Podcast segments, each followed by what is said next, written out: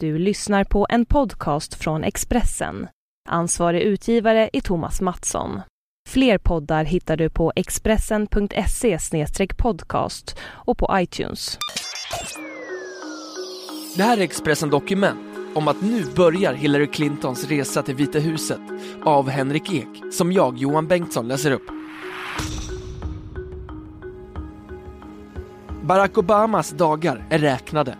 2014 är året då det börjar röra sig i den politiska kulissen i USA. Ett spel där en rad tunga maktspelare positionerar sig för att ha möjlighet att bli landets nästa president. Hillary Clinton är favorit hos Demokraterna.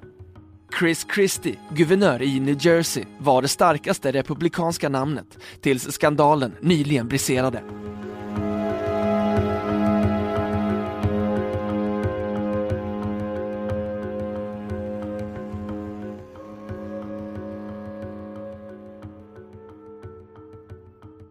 TV-kanalen CNN gjorde nyligen en enkätundersökning i vilken amerikaner fick svara på vem de helst ville se som president. Chris Christie eller Hillary Clinton. Undersökningen slutade oavgjort. Att just de två kandidaterna ställdes mot varann var ingen slump. Det är de som befolkningen just nu känner till, de namnstarka. I själva verket har ingen av dem uttalat att de faktiskt tänker ställa upp för val. Men det hindrar inte allmänhet och medier från att spekulera vilt. Det är nämligen nu, under 2014, som grunden ska läggas för att de inblandade nästa år ska veta sitt stöd och då kunna stiga fram som officiella kandidater. Som en del i denna process, att känna av marknaden, ingår att synas och höras i rätt sammanhang i samband med årets val till representanthuset, senaten och av delstatsguvernörer, vilka ger en fingervisning om hur USA förhåller sig till makten just nu. Vilka reser till de viktigaste delstaterna? Vem träffar de stora finansiärerna? Och vem placerar sig själv i offentlighetens ljus?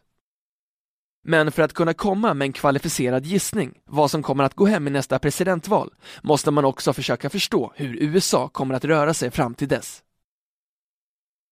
Det politiska landskapet är på ett sätt idag, men det är nästan tre år kvar tills amerikanerna ska lägga sin röst på Barack Obamas efterträdare i Vita huset. Du vet inte alls vad som händer i Mellanöstern, i Iran och så vidare. Men just nu ser det rätt bra ut för ekonomin i alla fall. Pilar pekar uppåt, säger Olle Westberg, USA-kännare och före detta generalkonsul i New York. Obamacare är just nu den ömma tån inom de demokratiska leden, men det är inte alls säkert att det kommer vara så om två år. Färre amerikanska soldater kommer dessutom att vara ute i krig, om inget oförutsett händer i Syrien eller Iran.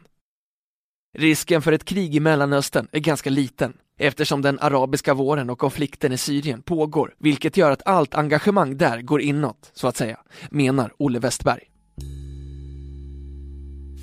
När president Obama lämnar Vita huset finns en stor möjlighet att han lämnar landet i betydligt bättre skick än då han tog över. Vilket borde gynna en demokratisk kandidat. Men det beror också helt på kandidaten Trenden inom Demokraterna är just nu att gå ännu längre åt vänster åsiktsmässigt. New York röstade till exempel fram den väldigt vänsterorienterade Bill de Blasio som ny borgmästare. Hos Republikanerna, å andra sidan, är just nu de mest värdekonservativa Tea Party-anhängarna på utelistan och de tongivande politikerna drar sig mer åt mitten. Kanske en övergående trend, kanske inte. Hillary Clinton kan bära vilken hatt hon vill, beroende på hur vindarna blåser. Hon kan göra som sin man Bill och vända sig mot liberala arbetarklassen i mitten av landet. Eller så söker hon sig vänsterut, vilket bevisligen funkar för att attrahera väljare på öst och västkusten. Chris Christie, å sin sida, skulle kunna säljas in som den moderata kandidaten och stjäla röster från de som skräms av vänstervindarna inom det demokratiska partiet. Men efter skandalen i New Jersey som nyligen blåste upp till stormstyrka är det inte längre lika självklart att Christie är med i matchen om Vita huset.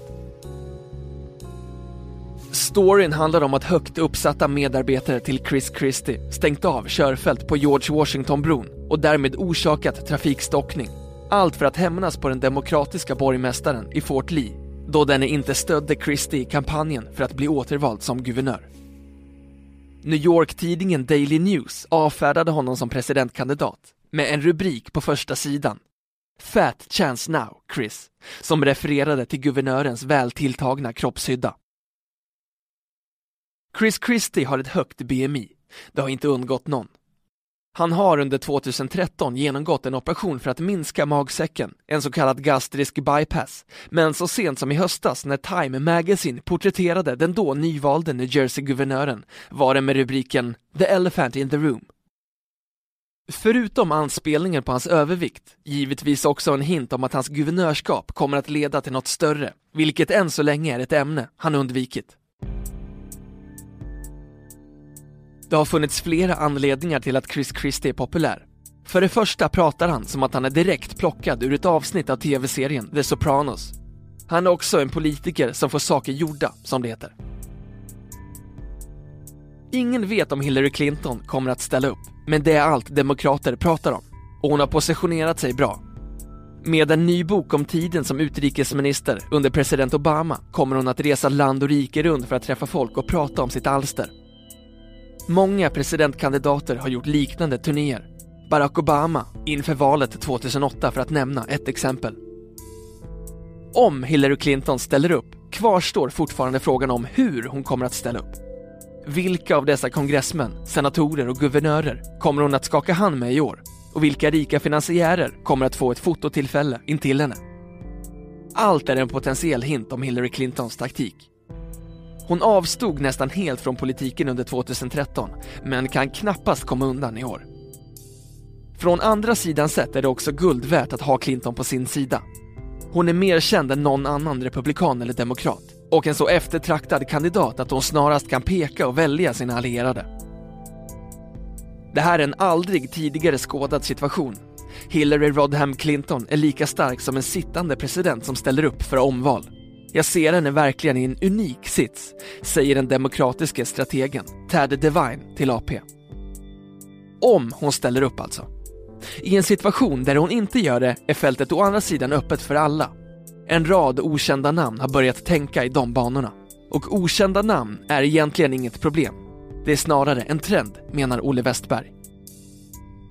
Eftersom kongressen som sån har lågt stöd i undersökningar så kan man tänka sig att det skulle kunna vara bra med någon som inte varit involverad, som en guvernör. Barack Obama var till exempel okänd för den breda massan så sent som två år innan han blev vald. Det som talar mot Hillary är att hon har varit med så länge och har haft höga positioner. Hon kan inte utmåla sig som en outsider, att hon ska röja upp i Washington, säger Westberg. Förutom Hillary Clinton och vicepresidenten Joe Biden så lider Demokraterna viss brist på namnstarka politiska stjärnor. På den republikanska sidan står desto fler på kö, på gott och ont. Demokraterna gynnades av en lång och hård premiärvalstrid mellan Obama och Clinton 2008. USA hann lära känna Obama innan det var dags att gå i clinch med John McClain den gången. Värt att notera är att under de senaste 50 åren har Republikanerna endast två gånger nominerat en kandidat som inte tidigare ställt upp i presidentval. Gerald Ford 1976 och George W Bush 2000. Mer än någon annan gång under min livstid är det vidöppet, säger den republikanske strategen Ron Kaufman till AP. I listan står namn som den tidigare Florida-guvernören Jeb Bush, son till George Bush den förste och bror till George Bush den andre.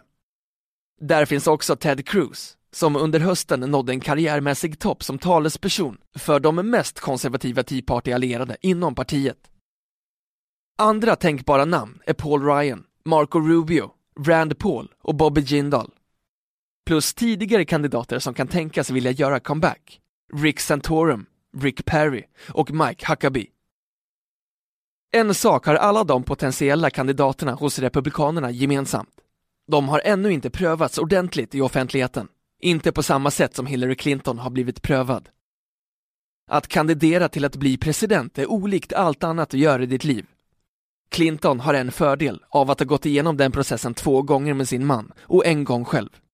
Hon har gått igenom skärselden. Alla på vår sida behöver skärselden vi behöver ett primärval, säger Ron Kaufman.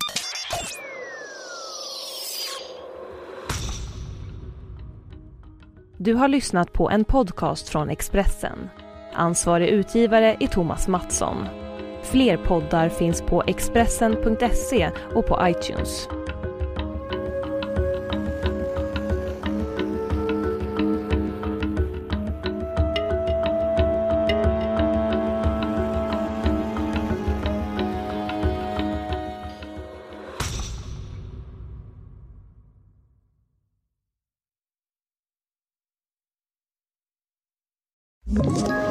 Ett poddtips från Podplay.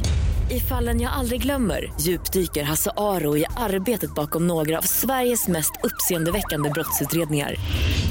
Går vi in med hemlig telefonavlyssning och, och då upplever vi att vi får en total förändring av hans beteende. Vad är det som händer nu? Vem är det som läcker? Och så säger han att jag är kriminell, jag har varit kriminell i hela mitt liv men att mörda ett barn, där går min gräns. Nya säsongen av Fallen jag aldrig glömmer på Podplay.